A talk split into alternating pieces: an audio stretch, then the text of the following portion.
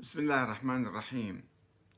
لماذا يخشى الظالمون من زيارة الناس لقبر الإمام الحسين عبر التاريخ؟ ولماذا يشجع بعض الظالمين هذه الزيارة؟ هل هناك زيارة تفترق عن زيارة أخرى؟ نعم. أول ما من زار قبر الحسين هم التوابون. التوابون الذين آه، دعوا الحسين إلى الكوفة ثم خذلوه ولم ينصروه ثم شعروا بالندم وقرروا الثأر لمقتل الحسين وقتل أنفسهم قتل أنفسهم وأعداء الحسين الذين شاركوا بمعركة كربلاء. وعندما خرجوا لمحاربة الجيش الأموي مروا بكربلاء وطافوا بقبر الحسين وبكوا وعبروا عن ندمهم وقرروا التضحية بأنفسهم في سبيل الله انتقاما لمقتل الحسين. هؤلاء أول من زار قبر الحسين التوابون. وفي العصر الأخير في العصور الأخيرة آه، زيارة الأربعين خصوصا والمشي إلى كربلاء في ظل أيام صدام حسين خصوصا في حكم البعث آه، الزيارة والمشي كان إلى طعم آخر. كان بمعنى آخر مو فقط زيارة عادية إنما كان آه، يعني الزيارة كانت أشبه بالمظاهرة وفيها هتافات آه، ضد الظالمين. وتذكرون سنة 77 في المسيرة اللي كان ماشي من النجف إلى كربلاء يا صدام شيل إيدك هذا الشعب ما يريدك. هذا كان هتافهم. هتاف سياسي يعني مو فقط زيارة الحسين آه، بصورة ميتة لا بصورة حية. يا صدام شيل إيدك هذا الشعب ما يريدك. في الوقت اللي كان عندنا دكتاتورية مطبقة على العراق وما كان أحد يقدر يتنفس أو يتكلم بكلمة ضد النظام أو يطالب بحقوقه السائرون إلى قبر الحسين كانوا يمزجون بين الحسين وبين واقعهم المعاصر بين يزيد وبين الظالم اللي موجود كان موجود ذيك الأيام. فكان للزيارة معنى حي حيا.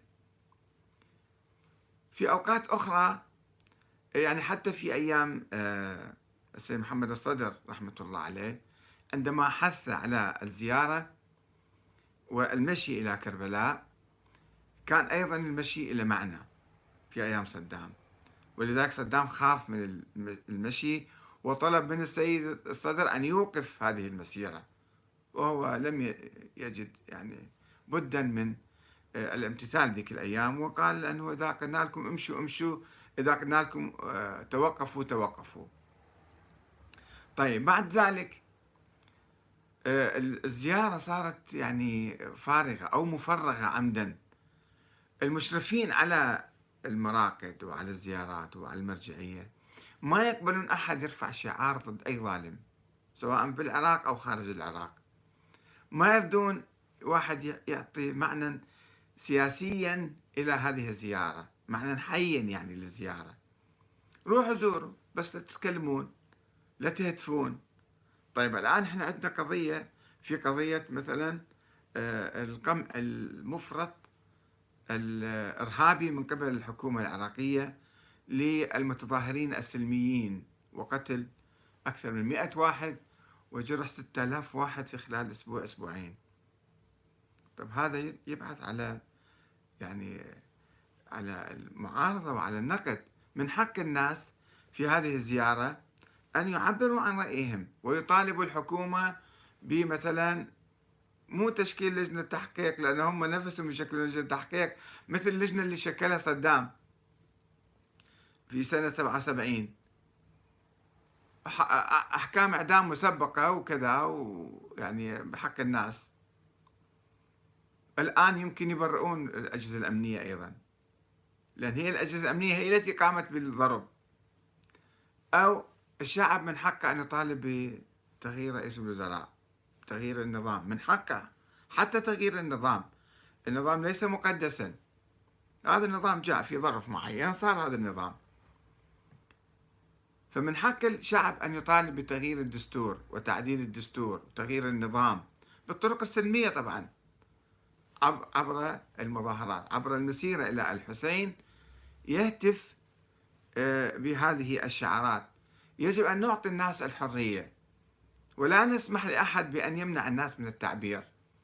التعبير عن عن رأيهم. يقول لا ما نريد ما نريد شعارات سياسية بالزيارة. ليش هي زيارة؟ شنو هي؟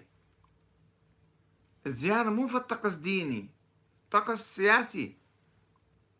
طقس سياسي السير على طريق الحسين. مو بس نمشي ونتعب نفسنا حتى نحصل أجر بالآخرة.